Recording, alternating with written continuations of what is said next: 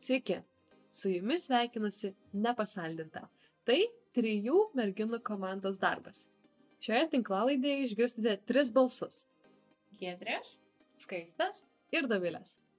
Tikimės, kad užsikabinsite už mūsų turinio ir rasite čia įdomių minčių. Tai, važiavam. Galėtume įvažiuoti mūsų pagrindinę temą. Mes šiandien galvojam pakalbėti apie vaikus. Jo. Ir, ir mes, nu, dažniausiai yra ta nuomonė, kur, tipo, arba nori vaikų, arba nenori vaikų. Mes esam trys ir mes kiekvieną šerinam skirtingą nuomonę. Viena iš mūsų visiškai nenori vaikų. Kita labai laukia šeimos labai jos nori. O dar viena tokia, ai, nu, gal kada nors prie progos, jeigu išpuls galimybę, jeigu norėsis. Jeigu bus netyčiukas. Oi, ne. Nors, nu, plemba, negaliu. Nes. Ir štai vaikas įsijungia mamos podcast ir mama negaliu sakyti. Mama, prašau, nesiklausyk. mama negaliu sakyti vis dar. Negaliu sakyti ne. Tai, tai jo, turim tokius du aršius pointus ir vieną tokį nuolankesnį. Tai man atrodo, lengviausia būtų pradėti nuo bendros statistikos ir kodėl vat, Lietuvoje kas dedas ir pasaulyje ir bet kokios yra pagrindinės priežastis, kodėl žmonės net nori vaikų. Tai Žmonės ar moteris? Mes aptarinėjom žmonės ar moteris. Um, šiaip Delfi buvo užsakytas Spinter e, toks tyrimėlis apie, vat, kodėl žmonės nori, nenori vaikų. Ir ten nebuvo išskirta vat, konkrečiai moteris ar vyrai, tai ten, aš kiek suprantu, labiau šeimos tiesiog.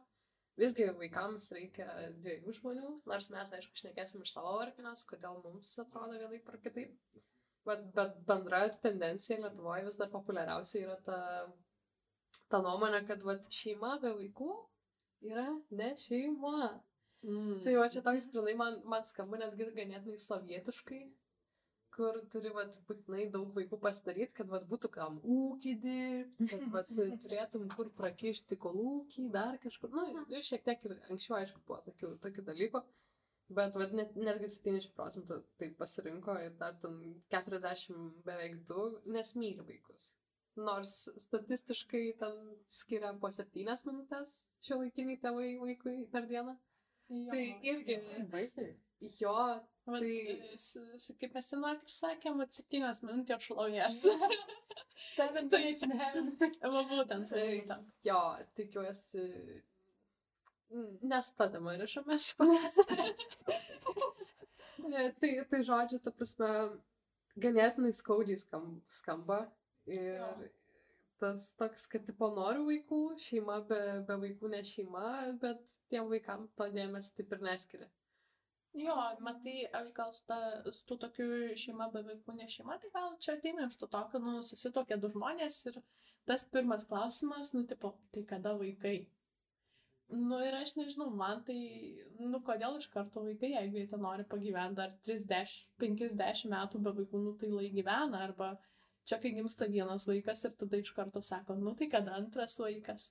Tai turi du berniukus, tai gal jums reikia dar ir mergaitės, čia tipo trečios, aš nežinau, man, man tai kažkaip skamba, tipo jau krūpiai. Nu, čia yra daugiau vyresnės kartos tas Mhm. dalykas, kad e, tas išlaikymas šeimos, kad šeima yra šeima, vat, ir reikia vaikų.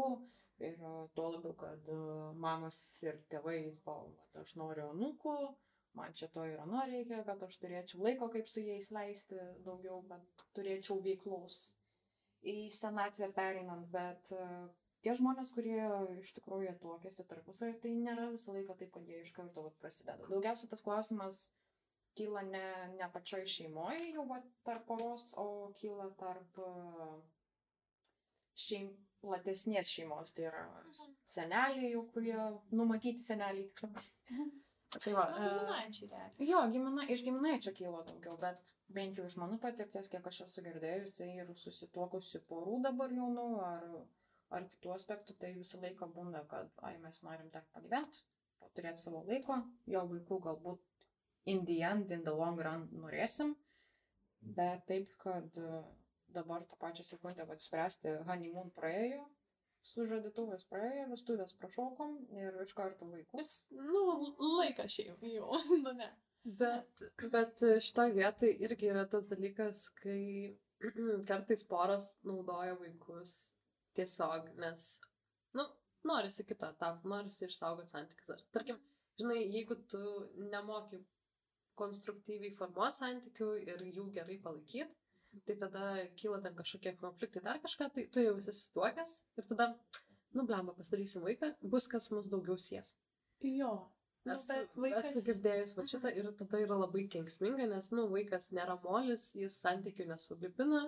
Va, va, Viskas- norėjau, norėjau tą patį sakyti. Jo, viskas yra nuo dviejų žmonių ir visų pirma turi kom komunikuoti su savo žmogum, o ne tikėtis, kad vat, kažkas iš šalies tau padarys. Tai, Čia, žinai, mano nuomonė, čia jau yra tada biškai daugiau lindimas į apskritai santykių temą. Tokiu atveju. Taip. Nes čia jau yra santykių aspektai, ar tu esi iš viso pasiruošęs iki to etapo daeiti. O šį kartą mes labiau gal turėtumėm aptarinėti bendrą aspektą asmeninį, ne poros, ne santykių, o bendrą aspektą, ar žmogus a, nori vaikų ar nenori vaikų. Nesvarbu, ta prasme, partnerio atžvilgiu dabar. Čia dabar asmeninio atžvilgiu, manau, ger- geriausia būtų aptarinėti. tai va, iš trijų moterų varpinės, kuri nori pirmą pasisakyti savo argumentą, kokį šauti. Hmm. Nu, realiai galiu tada aš pradėti kaip žmogus, kuris nori vaikų, kaip moteris, kuri nori vaikų. Man yra labai keistas aspektas, kai kiti, kitos moteris nenori vaikų. Gal tai yra biologinis tas toks impulsas, nes moteris gimdo vaikus visą laiką, tai buvo visą laiką, tai bus ir tai nepasikeis.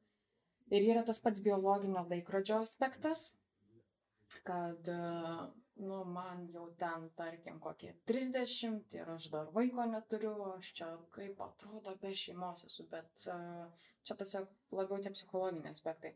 Dėl ko aš vaiko asmeniškai noriu, dėl to, nes tai yra mažas tas pipliukas, kuris tavo gyvenimo atneša didelį, didelį džiaugsmą. Aš negaliu iš savo patirties dar sakyti, nes aš vaikų dar neturiu, bet bent jau iš to, ką aš esu girdėjusi iš vyresnių moterų, iš savo mamos, iš draugių, kurios turi vaikų arba laukiasi vaikų, nu, visai kitas jausmas ir aš nenorėčiau pragyventi savo gyvenimo praleisdama tam tikrus uh, jausmus, kuriuos aš galiu patirti ir praleisdama tam tikrus nuotykius ir gyvenimo, nu, tokias akimirkas. Nes ta pati pirma klasė, vaiko išleistuvės, e, mokykloje ir visi kiti dalykai, tai yra tam tikras džiaugsmas, kuris tikrai turi impactą tokį didelį įtaką tavo gyvenimui. Tai, nežinau, čia gal mano Okay. Man atrodo, reikia kontrasto.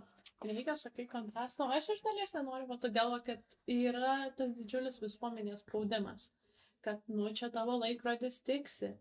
Ui, tai tu čia nenori vaikų, tu nesutikai čia tinkamo vyro. Ui, tai ateis laikas, bus ir vaikas. Nu, aš, pavyzdžiui, dėl savęs tiesiog nenoriu. Aš esu savo naudė. Kodėl aš turiu aukot laiką eidama į tas visas mokyklinės šventės? Man jos atrodo visiškai nulis emocijų. Nu, palyginus grįžti iš leistuvės, aš iš savo išleistuvės negrįžčiau, nors jos ir man patiko, nes aš žinau, kas dedasi išleistuvėse. Vienas iš tų variantų. Eiti į pirmos klasės šventės ir dainuoti kelias į mokyklą. Oi, ne. Man tai atrodo tiesiog, nu, kažkoks tai siaubas. Ir man tos šventės iš kitos pusės, nu, netrodo nuoširdžios, nu, yra 12 tų rugsėjo pirmų ir ten, nu, pirma paskutinė man skaitosi, bet tau kaip tėvui ten atvesta vaiką, nu, padaryti tą nuotrauką, susipažinti su jo mokytoja, po to 12 metų du kartus per metus vaikščioti į susirinkimus ir klausytis, kaip tavo vaikas tą dar nesupranta matematikos ir tu pati nesupranti matematikos ir jam nepaaiškinsi, nu, tai man čia atrodo baisu, aš žinokit nenoriu, nu, aš geriau tą laiką tiesiog skirsiu savo. Ir nuveiksiu kažką, nu, iš tikrųjų naudingo, nes, nu, tai, kad aš turiu vaiką, nu, okei, okay, gerai, jeigu iš jo kažkas gausis, nu, jeigu ne. Nu, jeigu jisai bus tiesiog e, tas žmogus, kuris iš visų tyčiosis, tas žmogus, e, nu, žodžiu, jeigu aš jo, jis išauks blogų žmogum. Tai čia auklėjimo aspektai tada. Bet Aš bijau, kad aš jį blogai išauklėsiu, nes nu vienas iš tų, nu, tipo, ką aš sakyčiau, nu, tu nebijok būt savim, nu, tu nebijok. Atsakyk už save. Bet aš nemokėčiau, kaip, kaip jam paaiškinti visus tuos dalykus. Man, nu, atrodo, kad viskas tiesiog ateina per gyvenimą kažkaip natūraliai, nu. Aišku, ten mama sako, nevalgyk saldainių iš nepažįstamų žmonių. Ir aš tokia, nu, per 2-3 metus nepažįstami žmonės man saldainių nesiūlė. Na, žodžiu, Man siūlė. per valgymą. Ne, bet... Uh, Man, yra, man yra tik jogurto pasiūlė. man yra gėlių pirkė. Paskutinę mano darbę prieš, prieš šitą dabar turimą darbą man atnešė gėlių klientas tiesiog. O dieve, man net O, bičių nėra pirkę gėlių. O, oh, wow. Nu, ta prasme, techniškai aš neskaitau, nes vienas nupirko vieną rožę. Tipo, Mm. mm, Kiek daug. Sako, ta prasme, šita istorija, nu, man tokia yra legendinė. Tipo, sako, nu, sakai, kad ne, nesigavus gėlių, tai galvojau pradžiai viena už, vienos užteks. Ai, tai tu man gėlę. Jo, gėlę. Vieną gėlę. Išmoksi ir Vieną rūpintis, nupirksiu dvi gėlės. Po ant gapo. Ant- Kodėl žiūri? Atsiprašau. Jo. Tai ačiū Dievui, tos antros gėlės aš nesulaukiu. Oh, oh. Bet kaip sekėsi su ta viena gėlė? E, nu, tai kažkaip jį nudžiuvo labai greitai ir aš jos neparsivežiau net pas save namo. Yra, yra kažkokia. Yra tai priežastis, kodėl vaikų abejoju ar norit. Aš žinau, kad yra kažkokia lietuviška daina. Kur ten, nu, yra tokie žodžiai, kad, nu, aš tave ten mylėsiu, kol šitos gėlės nuvis. Nu. Ta gėlė tiesiog. Nebėr. Jo, tai iš dalies nes, iš dalies ne, bet, bet viskas yra gerai, viskas yra, viskas yra čia kaip. E, Tas pats žmogus, gerai tada į savo trečią pointą pasakysiu, e, su manim, kai ten mes pradėjom bendrauti, na, tai po, jau, jau šiek tiek, jau ne po, ne po mėnesio, po, po kelių, ten, žinai, kai prasideda tos temos šiek tiek ir apie ateitį, ir apie, vat, kaip tu įsivaizduoji kažką, tai ten, žinai, ne maksimaliai, bet šiek tiek. Ir ten, jo, jo, norėčiau vaikų, ten, ta, ta, ta, ta, ta, ta. Ir tada praeina dar keli mėnesiai ir jis tokiu random momentu atsisuka į mane, vaikštant po miestą ir sako, bet žinai, aš niekada gyvenime nenorėsiu vaikų turėti. Ir aš tokia, okei, okay, okei, okay. ir tu buvo visiškai nesureagavau. Ir sako, bet ar tu suvoki, ką aš tau dabar pasakiau, aš niekada nenorėsiu turėti vaikų. Ir aš sakau, nu, prieš kelias mėnesius tu man sakei visiškai ką kitą. Dabar tu man sakai tą. Aš net nežinau, kiek aš ilgai su tavim būsiu. Ta prasme, tai, okei, okay, turėk tą savo nuomonę ir jeigu tai turės mums ateityje kliūdžių, tai, nu, tai, okei, okay, nebebūsim kartu tiesiog. Šitas variantas, nu, vat, bus problema, ieškosim sprendimų. O iki Nu, nu, ta prasme, turim, jeigu- ką turim. Jeigu žmogus keičia savo nuomonę kas kelis mėnesius, tai ką jis žino, kad ar už kelių metų vėl nepakeis nuomonės. Aišku, šitas gali būti argumentas panaudotas irgi, vat, kiekvienai pusiai maždaug, tu dabar nenori vaikų, gal tu vėliau norėsi. Jo, Na, bet aš neketinu, žinai, prikaišio tipo žmogui, kad, tipo, nu, tu tikrai, tikrai norėsi. Ne, aš priimu tą galimybę, kad galbūt tu nenorėsi, bet galbūt tada ir mano poreikiai pasikeis. Galbūt aš irgi tada nenorėsiu. Nu tai va, 50-50 tas variantas. Nu, aš aišku, kalbu dabar iš varpinės, aš dabar jų nenorėčiau ir man atrodo, kad aš, nu, tipo, gim penkiem metam dar nenoriu. Nu, gal dar dešimčiai. Nu, būkim saugus. Trim, trys svetajim. Nu, tipo, man laikas nėra, nėra kažkoks. Tai aš nežinau, kodėl žmonės taip sako.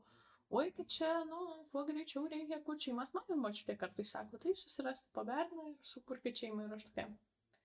Jo, man 23, jam irgi, nu, tipo, jeigu jis mano metų, tai, um, atsiprašau, aš jau su juo draugaudama turėsiu vaiką tiesiog, nes man juo reikės rūpintis.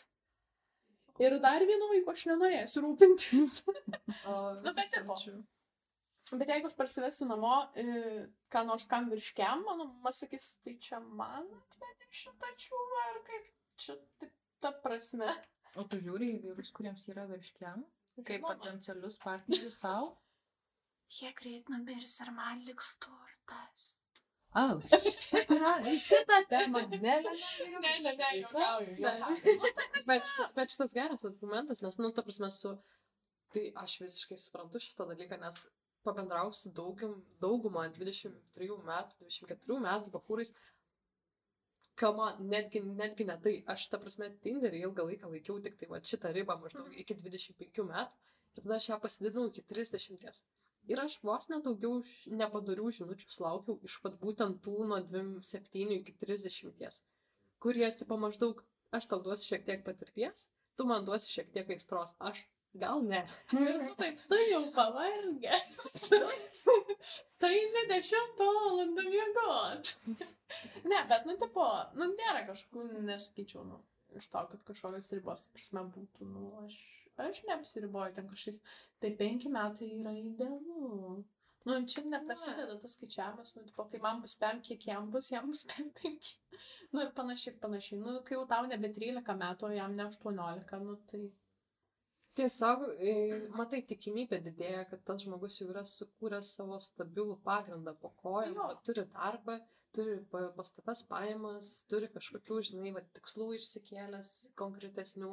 Bet to stabilumo, man atrodo, čia labiau norisi žiūrint tą amžių, nes 23 metų bahūrai, nu taip, kai kurie tikrai turi tą, turi vat, ambicijų dar kažko tai, bet kai kurie neturi visiškai.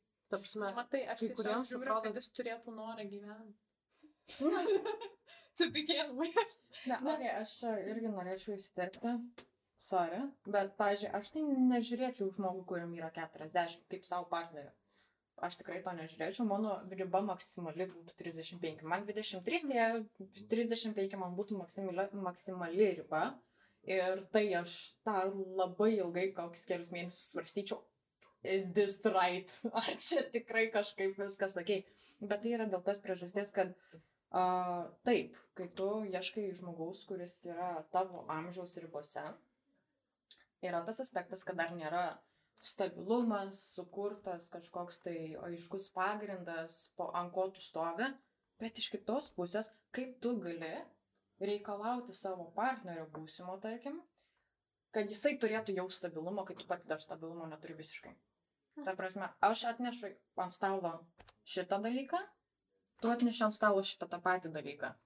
Tai kaip galima visiškai perlipti per pačią save ir reikalauti kažko kito, ko pats dar neturi. Man tas yra keistas dalykas. Ir kitas dalykas, taip, uh, vėl pasikartosiu, pagrindo gal ir nėra po žmogų, kuris yra 23, bet yra ambicijos ir yra gyvenimo kelionė, kurią tu gali kartu nueiti su to žmogum. Nu, aš čia gal kaip maža mergaitė, kuri pasako šaly gyvena. Ne, nu labai kažkaip, nu aš, Bet, aš nu- suprantu tą poziciją, kur, nu iš, iš vieno taško taip einat ir, nu yra ta tokia kelionė, jo. Taip, nes tu tą kelionę gali pradėti kurti kartu ir aš sakau, visą laiką pas mane buvo labai didelis noras, kad susirasti, tarkim, ten žmogų, su kuriuo tu matysi savo ilgalaikę ateitį. Ne tik, kad, nu, vat, susitieksiu, pažiūrėsiu, kaip gausis, nesigaus, tai nesigaus, gausis, tai gausis, man kiekvienas išsiskirimas ar kažkoks toks dalykas labai skaudžiai kerta per širdį. Bet aš noriu va to tokio žmogaus kaip princesė. Taip, žinau, kad tai labai nėra, nėra realistinis dalykas turėti baltą žirgą. Baltas žirgas, balto princo. Ne, princą ant balto žirgo. Nebūtinai tas žirgas turi būti baltas, jis gali būti rudas. Bet O volmušis. vienaragis, man nesvarbu, bet man, man visą laiką norėjosi kuo greičiau praeiti tą honeymoon fazę santykių pradžioj ir jau bildinti. Nu, Ta prasme, kaip biški Jo. praeina, praeina visos rožinės. Tiesiog statyti viską kartu. Jo. Fair enough. A, bet matai, va čia irgi yra toks um, skirtumas, vad kas ką preferina. Nes, vad kai kuriuose santykiuose, vad kas ir iš tavo pusės sklinda, tas labiau, kad vat, nori lygybės ir kartu vad kurti santykius. Kiti galbūt prif... nori labiau, kad būtų vat, iš vyro pusės vat, tas aprūpinimas, stabilumas, dar kažkas. O mergina tiesiog labiau namuose kažką, tai labiau šeimą kur, ta ta ta. E, Ta prasme, yra skirtingų tų modelių ir, ir aišku, gal priklauso nuo to ir, ir tas požiūris į vaikus pagal tuos modelius. Tarkim, vat, šiaip net, net gal ganėtinai keista skamba, kad vat, nori karjeros, nori vat, turėti tvirtą pagrindą po kojom ir nori vaikų to pačiu. Nes aš mm, stereotipiškai turbūt dažnai tos moteris, kurios vat, labai labai nori vaikų, pamanytum, kad vat, nori, kad jas ir vyras išlaikytų nuolatos. Tai prasme, kad jos turėtų vat, galimybę sėdėti namuose, auginti vaikus. Na, aišku, aš tikrai neabsoliutinu, nes vis daugiau moterų renkasi karjerą ir derina su vaikais ir tai yra labai sunku. Ir, ir aš labai gerbiu tokias moteris. Pati nežinau, ar aš tai sugebėčiau tiesą sakant. Kai žvelgiu į, į perspektyvą, man atrodo, kad greičiausiai būčiau ta namų šeimininkė su kažkokiu pašaliniu darbeliu, kuris nebūtų pagrindinis pajamų šaltinis. Kad visgi vyras aprūpintų pagrindinę pajamą. Na ir tokiu atveju tada galbūt ir nėra to, žinai, poreikio, kad turėtum vat, visiškai, visiškai tvirtą pagrindą po kojom. Galų gale, ar jį vis, iš vis įmanoma turėti tokio amžiaus, taip, iki 30? Na, iki 30, nu, labai retai. įmanoma. Manau, kad įmanoma ir iš kitos pusės aš galėčiau irgi įsiterpti į visą šitą dalyką. Aš, pavyzdžiui, esu vienas iš tų žmonių, kuris nori ir šeimos, ir karjerą savo. Ir aš noriu turėti, netgi galbūt ir atsidaryti savo verslą ir savo visiškai independent veiklą. Nuo šeimininio biudžeto turėti independent biudžetą. Bet tai yra kaip saugiklis. Tiesiog elementarus saugiklis, nes tu niekada negali žinoti, kada, kas gyvenime nutiks. Uh, Nedaug dievė tam būna prasideda kažkokios tai lygos, uh, mirtis ir nuo tokių dalykų va, iki elementariausių dalykų, nu, dingo įstra, dingo meilė, žmogus nori išeiti. Jeigu tu esi ta moteris, kuri gyvena iš, iš vyro kišenės, taip sakant, iš vyro tų pajamų, kuris, kur, nu, aš nesakau, kad tai yra blogai, prasme, žinoma, kai kurie pasirenka tokį gyvenimą ir tai yra visiškai tenkintina ir gerai, jeigu tu to nori. Bet jeigu va tokia situacija, vyras nusprendžia, kad jis nebenori su tavim būti, ką tu darai tokiai situacijai pas tavim pajamų, klausimas, ar tu kažką tai taupiais ir atsidėjai nuo to biudžeto. Ir ne, nebūtinai, šeimyninio. ar vyras nori išeiti, gal tu pati nori išeiti, nes tas Va, vyras dar kitas- pasirodė, koks nors smurtaujantis ar, ar narcizas. Taip, čia yra labai daug aspektų visų ir tas noras būti, turėti tą karjerą, man asmeniškai kyla iš to, kad aš turėčiau asmeninius saugiklius. Jeigu man, man reikės išėti, jeigu aš nebenorėsiu, jeigu jis nebenorės, arba jeigu atsitiks da, to, toks dalykas santykiuose kaip deal breakeris, kurių visi turim. Ir jie tai deal breakeriai ir tu automatiškai tada pradedi galvoti, nu, man, mano ateitis yra svarbi. Aš kad ir kaip myliu savo partnerę, aš noriu būti saugi. Jo, Ir atsiras labiau dar, kai vaikai visą šitą įsipina, dar ir vai... nes didžioji dalis visą laiką skirybų atveju vaikai atitenka didžiąją laiko dalį mamai. mamai. Ir tokiu atveju tada dar svarstai ir apie tą dalyką. Jeigu aš vis dėlto turiu vaikų, pas mane yra skirybos, vaikai pas mane, man reikia ir vaikus aprūpinti. O jeigu tu, tarkim, nuo 18 metų turėjai vieną vaikiną, jisai tave visą gyvenimą aprūpino, ten tau 35 ir tu, tu jam atrodai nebegraži, pas tavį yra du vaikai, jis tave paliko, o pas tavį cvekas yra tuščias ir tu niekada gyvenime nedirbai nei dienos. Ką darai? tai va, vapšė. Tai va, šitas variantas yra baisus ir aš labai panašiai, kaip ir tu skaista, nu, va, aš esu į tą karjerą ir kaip mes čia pradėjom šnekėti, kad vidutiniškai skiria 7 minutės, ką tu gali per 7 minutės per parą pasakyti vaikui. Tipo labas, kaip mokykla, kaip tu, nu greit sakyk, kokios problemos, mes čia neturim daug laiko, mamytė reikia dirbti, nes aš neįsivaizduoju savęs, ką aš veikčiau namuose tarp keturių sienų, aš atsimenu, mečiau vienus mokslus ir aš taip mėnesį namie pasėdėjau, pažiūrėjau visas keturias sienas, nu ir man atrodė, nu žinokit, ne man.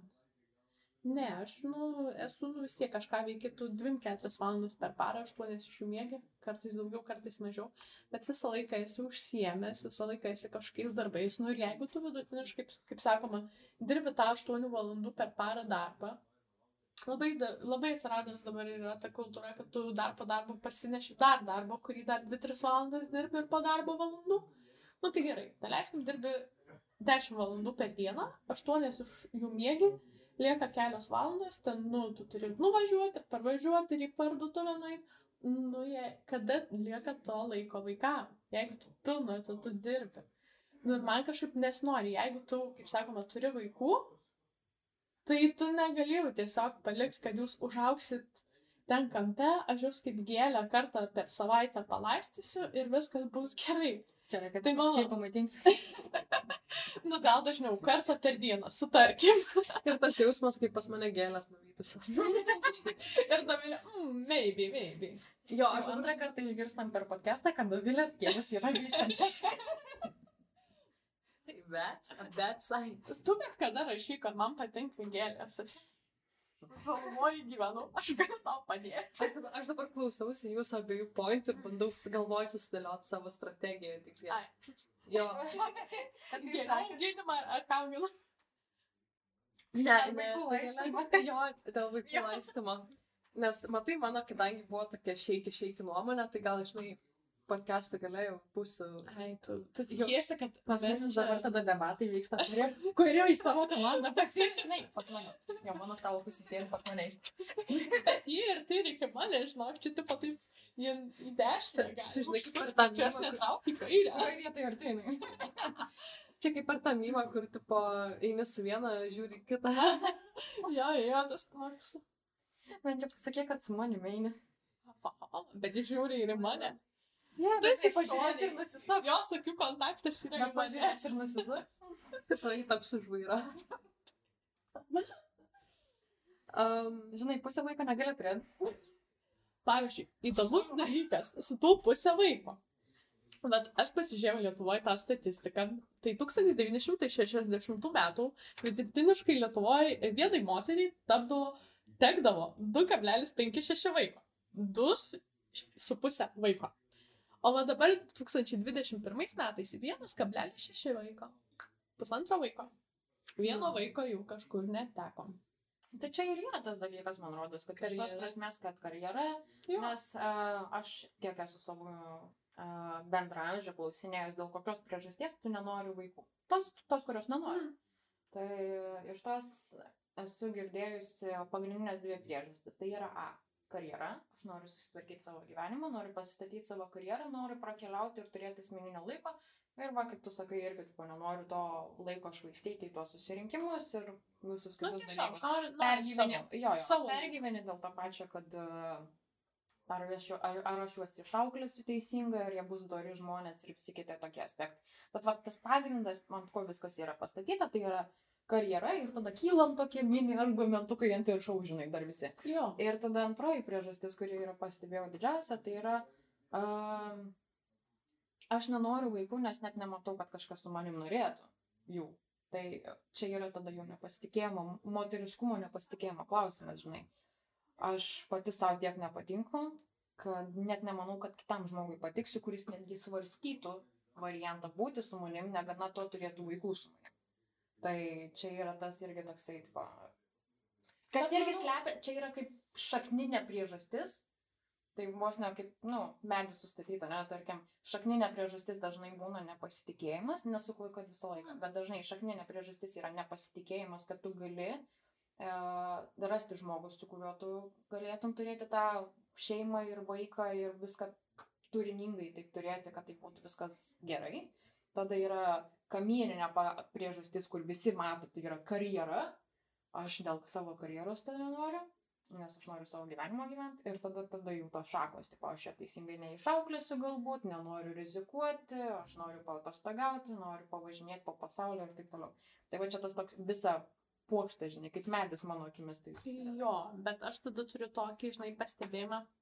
Ar tu ieškai žmogaus, su kuriuo turėti vaikų, nes nu tada atsiranda ant žmonių. Ba, ba, ba, ba, ba, ba.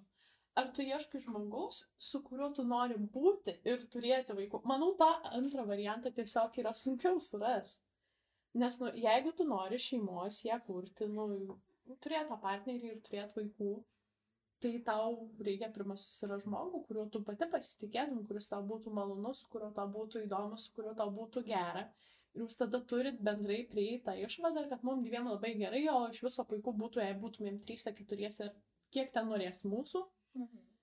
Nu tai va. Jo, bet čia, nu, čia ir yra tas irgi aspektas, kad a, tas nepasitikėjimas, ta šakninė priežastis, jinai yra ne tik dėl to, kad tu negali galbūt arba nerandi to žmogaus, kuris yra potencialus, Mhm. bet kad apskritai nematai žmogus, kuris apskritai to norėtų su tam, arba tu įsivaizduoji, kad nematai to. Nors jų gali būti, visada yra, yra šimtas pasirinkimų, vienas yra teisingas. Jo. Bet kai žmogus nemato nei to, nei to, nu, aš Nesaky, nesakyčiau, kad vienas yra teisingas. Yra, Ne, yra, teisingų, yra teisingų daug. Jo. Žiūrint, kaip, nu, Nu, išsidėlioja visus detalės, detalės, ką, ką tu laikai sėkme, ką yra tu, kas yra detalės. laimė, kaip sakoma. čia yra detalės ir lendam tada tokia atveju filosofiją išsiaiškinti. Nu, pati esmė yra, kad tipo, yra tų pasirinkimų ir tiek vyrams, tiek moteriams yra šimtas pasirinkimų, su kokiu žmogum tu gali būti, bet su kokiu tu žmogum nori būti. Tai jeigu čia taip tiksliau, kad nelysti filosofiją, su kokiu žmogum tu nori būti. O va tas ir yra šakninės tos priežastys, kad žmogus tada, moteris galbūt kartais ir vyrai neranda apskritai nei vieno žmogaus, kurie norėtų su jais būti, net nekalbant apie tai, kad tas, kuris yra tas vienas ar ten keli pasirinkimai. Bet e, man patiko va šita tavo nepasitikėjimo paliesta priežastis, kuri, man atrodo, labai gražiai siejasi vat, su tuo karjeros siekimu, dar ir ta prasme, kad kai kada moteris tada tampa tiesiog darboholikiam ir jos tiesiog ne, neberanda laiko puoselėt santykiams. Jos nebeturi laiko ten skirti pasimatymams ar, ar iš vis paieškoms. Tai jeigu, jeigu sutinka kažkokį kolegą ir su kuriuo ten užmesga kažką, tai yra labai gerai. O jeigu nesutinka, tai taip ir gali, žinai, prašokti viskas. Mano draugiai, kuri muzikos e, srity, uh, srity mokės, mokosi vis dar, uh, dėstytoja yra pasakius, kad ieškokitės vyro studijų metais. Nes ypač kaip muzikantai sako, jūs vėliau po studijų neturėsit laiko tiesiog. Tai arba susirandat studijų metais, arba tada jau mažėja šansai, kad iš vis kažką rasit. Nes sako, bus jūsų tvarkaraštis, ten koncertai, dar kažkas užims tiek laiko, kad jūs fiziškai nespėsit. Hmm. Tai aš manau, tas pats gali būti ir su versliom moteriam, kurios kuria savo verslą, tarkim, kad vat, jeigu jos iki to verslo pradžios nelabai turėjo partnerio, kad jos gali vat, taip ir šiek tiek atitolinti tą partnerį. Jeigu... Yra, yra vien, čia kaip mano nuomonė, čia yra viena medalio pusė. Šituo aspektu, ne, kad tarkim, jeigu tu esi, jeigu tavo karjera yra pirmoje vietoje ir tu stataisi paskui savai padėti, kad tampi darboholikė, čia yra viena medalio pusė, kas yra teisingai. Taip, kai kurios moteris taip daro ir kartais taip nutinka. Nori to, nenori, kartais būna, kad taip nutinka. Bet aš tada dar žiūriu dar į kitą medalio pusę, dėl kokios priežasties mes tampam darboholikės. Nes aš, pavyzdžiui, asmeniškai galiu pasidalinti, kad pas mane, jeigu yra, tarkim, kažkokios tai santykių problemos su vaikinu, ar kažkas tai nevyksta taip, kaip aš norėčiau vykti, arba pas mane yra per daug minčių, kurios mane overwhelmina, aš lendu į darbą tam, kad nuo to pabėgti. Tai tada vėl gaunas, kad tu užburtam rate gyveni, kur tu bėgi pati nuo savęs, nes tu savim nepasitikė, bėgi į darbą, bėgi nuo darbo per darbą į kitus visiškai dalykus ir čia tokia žiūrkių ratas visiškas gaunasi, kur tu net nesupranti, tada kokia yra pati giliausia priežastis. Na ir tada, mano, jau čia tarp kitko nuomonė, kad tada giliausia priežastis pareinam kaip visą laiką į vaikystę.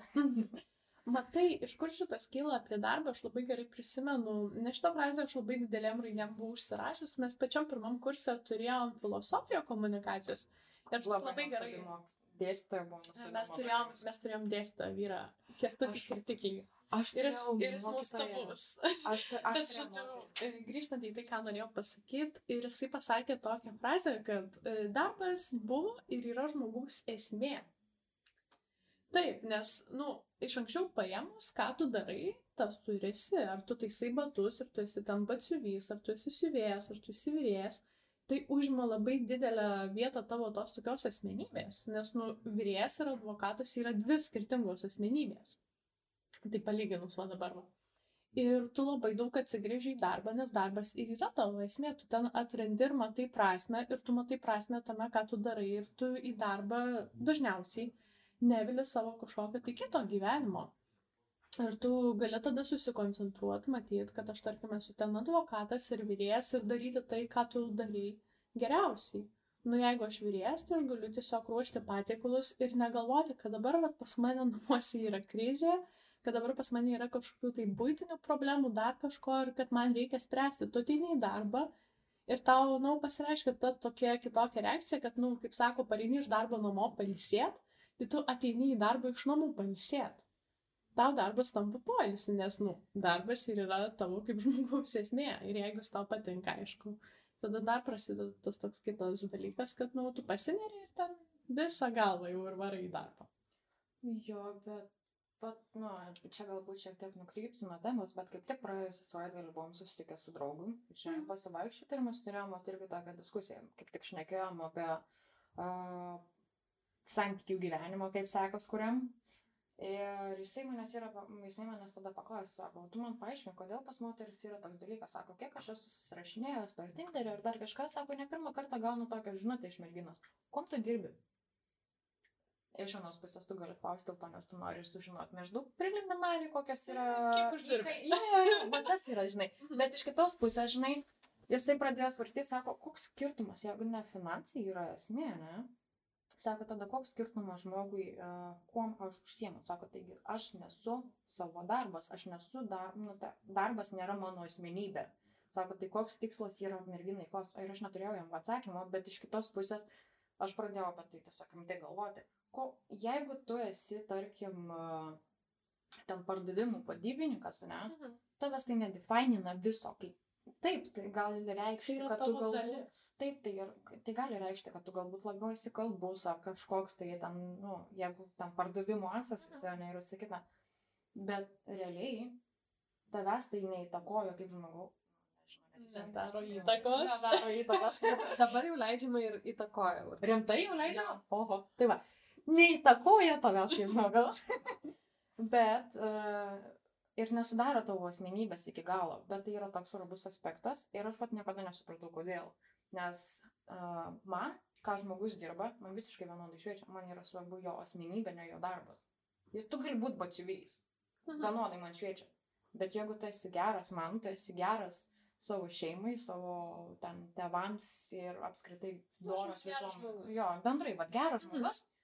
Aš tikrai nebus taip, kad, nu, tu batsiuvys, aš tau net šanso neduosiu, žinai. Ne. Čia mano akimis nesąmonė. O jisai pastebėjo, kad nemažai merginų Tinderį būtent taip ir daro. Nes jos, kai jisai atrašo, aš tenais dirbu testuoju ir testuoju, uh, jų atsakymas, gerai, supratau, ate. Aš galėčiau šauti atgal, Nu, nes vaikinai irgi tą patį daro Tinderį. Nes man atrodo, kad tiesiog žmonės į, yra vat, jau socialinė norma, kad iš dalies darbas tave apibrėžia. Nors, ta prasme, nors mes e, pagalvoję apie tai, suvokiam, kad ne, bet socialinė norma yra ta, kad vos net tu esi tavo darbas. Ir vat, e, yra, vat, e, manęs irgi vieną kartą paklausė ten, vat, ką tu veiki. Aš sakau, aš dar studijuoju, dar nieko nedirbu. Ir aš iškart gavau tokį atsakymą, kad maždaug, na ir sėkmės tau lepūnėlę tėvų išlaikyti, ne. Wow. Ir, ir žmogus tai pasakė visiškai nežinodamas nieko apie mane daugiau, ta prasme, ar aš ten per vasarą galbūt dirbu, ar ten turėjau sustaupius kažką, tai jis nieko apie mane nežino, jis tiesiog man tokį šovė ir, ir maždaug ate. Ir aš, nu, ačiū, kad pasirodai, koks tu esi, maždaug sėkmės tau. Uh, E, Šiek tiek asmenybę gali nusakyti darbas, nes vat, yra kažkokios tendencijos. Irgi pastebėjau, kad vis tiek e, tam tikro tipo žmonės labiau renkasi vienokius ar kitokius darbus. Tai ir, mm, aišku, netaisyklė yra, reikia pa- pažinti patį žmogų, bet, na, nu, kažkokios tendencijos minimalios yra. Ir, ir iš esmės sakau, visuomenė. Visuomenė yra linkusi tave tą patį su darbu. Nori tu to ar ne. Bet Bet čia mūsų liūdna, liūdna tiesa. Jo, mūsų Jo. pagrindinis pasiskirstimas yra pagal darbą. Nes mes ką darom, tai mes daugiausiai miegam ir dirbam. Miegam ir Tai dirbam. kaip ir sakiau, nu, va, Taip. po 8 valandas, tada po 2 pasiruošti ir siruošti iš darbo. Jo, ir dabar, kai, kai tarp kitko matėt, Portugalijai, man atrodo, padarė tą, kad Mhm. negali darbuotojams viršininkai rašyti po darbo valandų. Wow. Ir aš labai iš to džiaugiuosi. Aš irgi labai Aš suprantu, kad žmonės neturi laiko ir jie kartais tau parašo po darbo. Ir aš suprantu tada, kad jie laukia atsakymo ir man reikia atsakyti, man reikia atrašyti, kartais reikia pagalvoti. Nu, bet iš kitos pusės, tai man čia niekas nemoka už šitą komunikaciją. Nu, čia... Nu, pas ne mane tai- ne tik tai tas neiš- apmokėjimo klausimas, bet, nu, tai yra mano laikas. Aš tiesiog, vat, nu, kaip sakoma, aš parėjau nam, namo ilsėtis Ir kodėl aš dabar turiu skaičiuoti, galvoti jums ir sakyti, ką ir kur reikia užsakyti. Nu, Čia yra tiesa, čia yra šiaip mano nuomonė labai sveikintinas dalykas, kai tu sugebi atskirti, kur yra darbas ir kur yra asmeninis laikas ir visa kita. Aišku, čia dar įsiskaičiuojam ir tokius dalykus, kad bent jau uh, Lietuvoje nemanau, kad visi darbuotojai yra tobulį ir tikrai visą laiką, visą savo 8 valandas per dieną darbę sėdėdami skiria darbui. Tai yra, tai yra Bet tai tiesiog neįmanoma. Tai yra neįmanoma. Nes net juk ir tyrimai buvo padaryti, kad vat, žmogus, žmogus ten kiek ten keturias valandas yra produktyvus ar kažką. Tai dėl to ir planuoja ten e, tas daryti keturias, penkių dienų, keturių dienų darbo savaitę arba ten mažinti tas darbo valandas, ten tos e, didžiosios kompanijos, nes nu, tiesiog nu, žmogus nebūna tiek laiko produktyvus. Jo, Nu, jo, produktyvumas. čia yra kitas aspektas. Produktyvumas krenta. Nu, čia kaip, vat, pavyzdžiui, atsisėdė rašyti kažkokį tai darbą. Ir, nu, pradžioj tu, kaip sakoma, ten turi įsivažiuoti tą rašymą, tada labai labai rašai ir taip, nu, po kokios valandos kitos antros, tu matai, kad jau tavo mintis biškai taip pradeda krypti, kad tu ten pradedi, tai nori į tualetą nueiti, nori atsigerti, grįžęs kažkaip, nu, tai palauk, pasižiūrėsiu, kas čia socialiniuose tinkluose dedasi, nu, tu tiesiog esi šiek tiek išsiblaškęs ir, nu, tavo smegenys nėra kompiuteris, jos visko nepadarys. Ne, bet negana to, tau reikia dar kokios valandos tam, kad įsivažiuot, kaip tu sakai. Ir kažkada buvau žiūri fainą frazę išgirdusi. Žiūrėjau vieną iš uh, Amerikos universiteto dėstytojų tokių paskaitų, kaip apie produktivumą ir bendrai tą tokį susikaupimą darbui. Ir e, viena iš šio frazė buvo pasakyta, nieks taip nežudo kaip tuščias popieriaus lapas. Blank space yra žiaurus Kai dalykas. rašėm kursinį, tu irgi pasakai šitą frazę, kad, nu, tada reikia bent jau vardą, pavardę, tada Jo, dar jo, jo. kažką užrašyti, kad būtų gera pradžia. Kad netrodytų tuščias lapas, netgi ne tai, kad e, vardą pavardę, man rodos, aš prisimenu dar, kai sakiau. Kad rašyti svarbu rašyti. Jo, jo, pirmas, pirmas tavo pusė puslapio turi būti bendrai apie bet ką, ką tu tą temą, kurią tu turi rašyti, žinai. Pradedi, tarkim, ten reikia, kaip pas mane pavyzdys, tarkim, Kinijos tematika buvo ir ką aš žinau tą tematiką apskritai. Nu, tai, kad Kinija tikrai viena iš didžiausių, viena iš to didžiausių pasaulio valstybių, kuri turi vieną iš didžiausių ten karinių pajėgumų ir taip toliau. Ir pradedi pilti ir taip, pala, šitas tiks į šitą skyrių, tas tiks į tą skyrių, išskaidai tos sakinius ir, o, aš čia kažkokį planą turiu. Mhm. Tai tas yra labai geras dalykas, bet sakau, niekas taip nežudo kaip blank space. Tikrai Jo. taip. Tai Šiaip grįžti prie temos. Jo, aptariam tą labai plačiai ganėtinai karjeros e, pirmenybės teikimą ir kad tai yra nu, ne vienas sluoksnė problema. Ir jos galim, dėl jos galima ir norėti vaikų, Ir nenori. ir nenorėti vaikų. Ir šiaip yra dalis žmonių, kurie net negali pastoti. Ir tas procentas vis daugėja, dabar yra Lietuvoje iš apklaustųjų, toje apklausoje, kur minėjau, ten Sprinter, a, Sprinter a, kad apie 13 procentų po- tiesiog negali susilaukti ir ten naudoja visokias priemonės. E, bet šiaip man kas įdomu pasirodė, kad e, Lietuvoje, va, to- toje apklausoje minėti tėvai, tėvais tapo 18-24 metų tarpe pusė apklaustųjų, kas yra žiauriai didelis procentas. Ir Ir aš aš kažkaip- labai labai jauni. Labai jauni ir, ir aš kaip pagalvojau, e, pati, aišku, irgi ten, turbūt kiekvienai merginai teko patirti tą jausmą, kai vėluoja Mm. ir, ir tada tu galvoji, ta prasme, visus įmanomus variantus, ten pastarai testus, iš- visiškai ten panikuoji ir viską googlini, kas ten įmanoma, kad tik pakeistų situaciją. Ir aš pamenu, irgi buvau tokioj situacijai, nors ten ir turėjau tą nuol- nuolatinį draugą. Ir įsijungiau nebegėdos podcastą, ten irgi ten tema kažkas apie, vat, tapau jauna mama. Ir aš klausausi, nu galvoju, kiek čia joms metų. Man tuo metu buvo gal 20. Ir jauniausia buvo 26. Ir toks, ant kiek ironiška. Aš tapau jauna mama. Kokia jauna mama.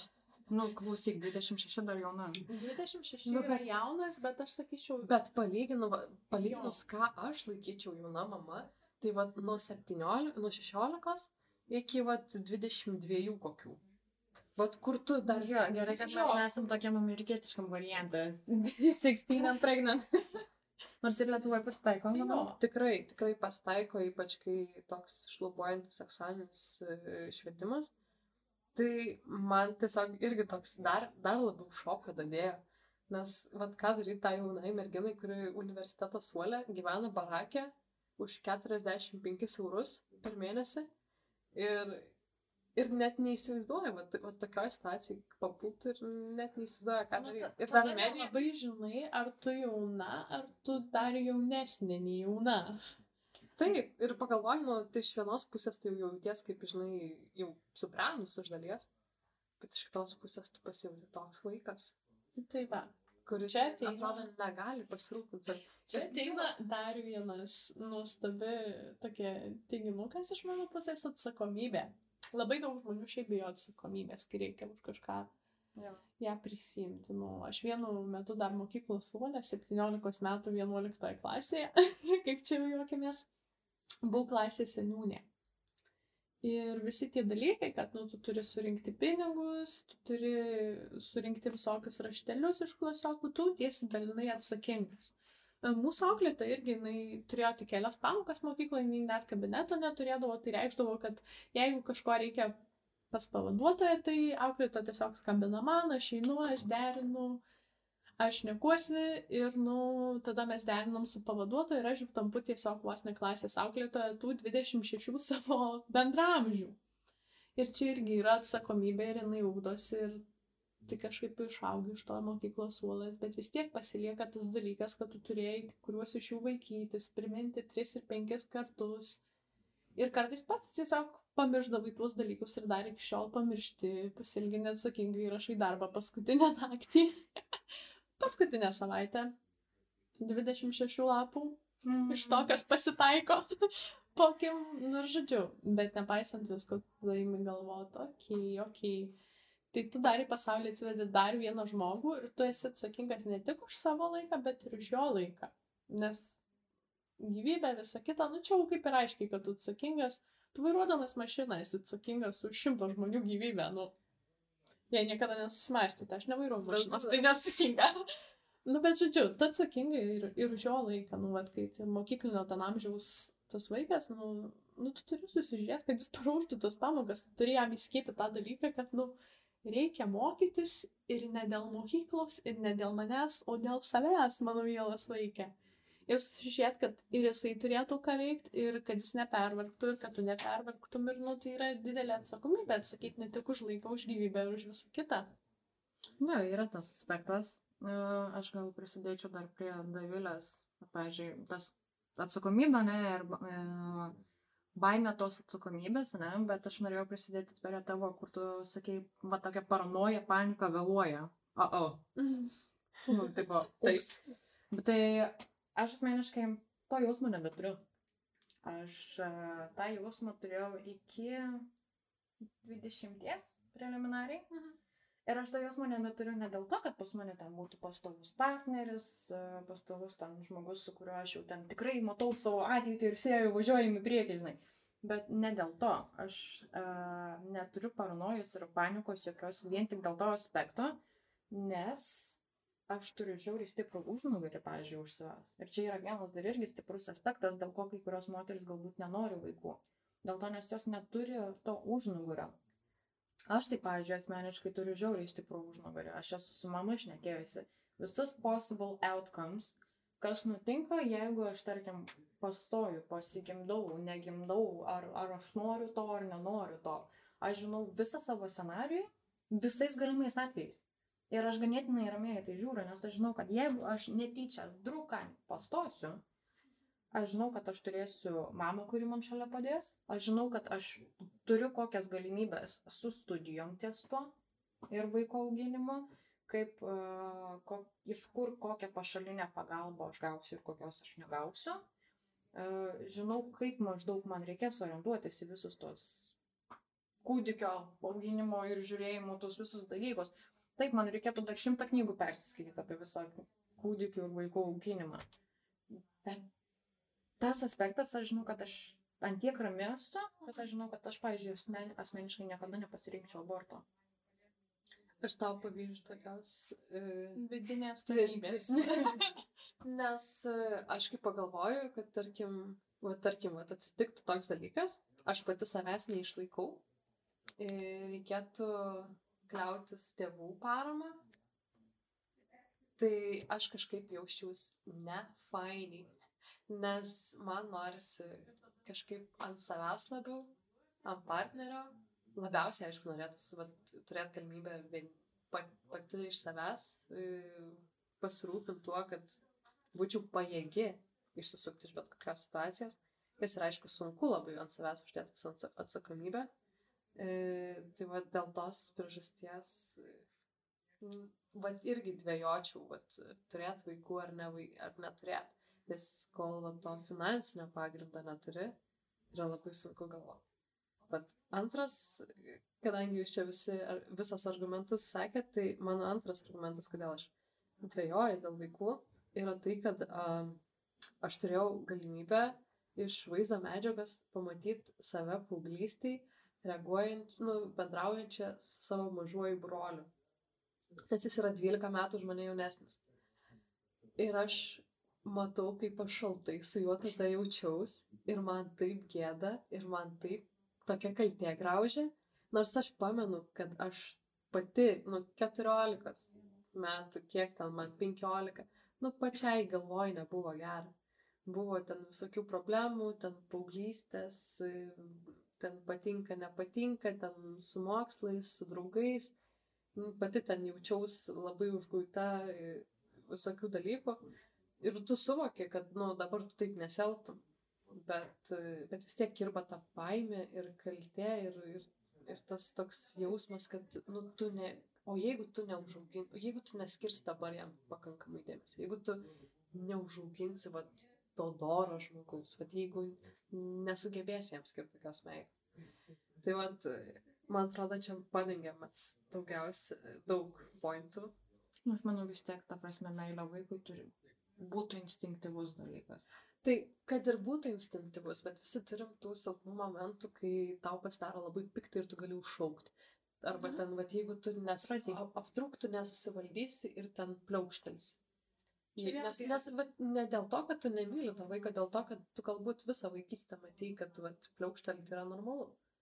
Ir, nu, ta prasme, čia nebūtinai iš mano varpų, nes čia šiaip Lietuvoje nepaslaptis, kad yra problema su smurtu šeimoje. Ir, ir nu, visuomeniai dar tikrai yra labai gajus tas pasakymas, kad, nu, nemuši, tai ne, ne, neišmoks. Myli, nes muša. Jo, myli. Muša nes myli, va. Jo. Čia netai pasakau. Myli ir muša, ir man atrodo, Lietuvoje dažnai vartoja ir muša nes myli. Muša nes myli. nu, žodžiu. Tai, vad, nebūtinai, žinai, bijai dėl to, kad, kad nemyli, bijai dėl to, kad tu esi tiesiog žmogus ir tu darai klaidų. Bet jo, bet aš tada čia jau pereinu į tą tokią dvigubą, nu, kas be nuodėmės meskite akmenį, nu, nieks nemeta. Nes, nu, kiekvienas turim gal tą tokią silpną pusę, silpną akimirką, nu, ir tai yra labai normalu, labai normalu yra kažką priekti, labai normalu yra kažkokie panai prie lifto, sakai, traukis. nu, tiesiog mes kiekvienas pareinam su savo nuotaikom, išeinam su savo nuotaikom, su savo visokiais asmenybės bruožais ir visais kitais dalykais. Nu, ir tai, kad tu vieną dieną esi piktas, tai, kad tu aprieki žmogų ir sakai, ar tu negali susikrauti savo indų, ar tu negali užsiplauti, tai tavęs nepadaro blogų žmogų.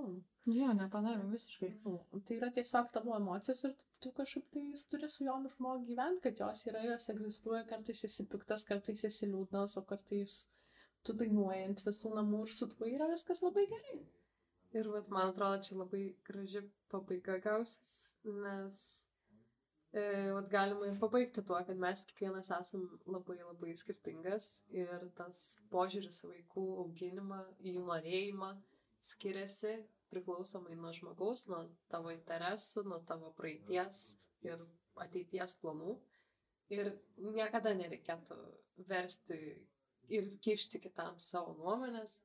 Kiekvienas turim ją savo, susidarę ir, ir tiek. Ja, vis, visi variantai yra normalūs ir galimi priklausomai nuo to, ko žmogus pats nori. Ir labai labai priimtini. Taip, ir labai priimtini. Tai va. Tai su jumis tada šį kartą buvo nepasaldinta. Ir ko gero šį kartą jau atsisveikinsim. Taip, merginos. Taip, iki kitų kartų.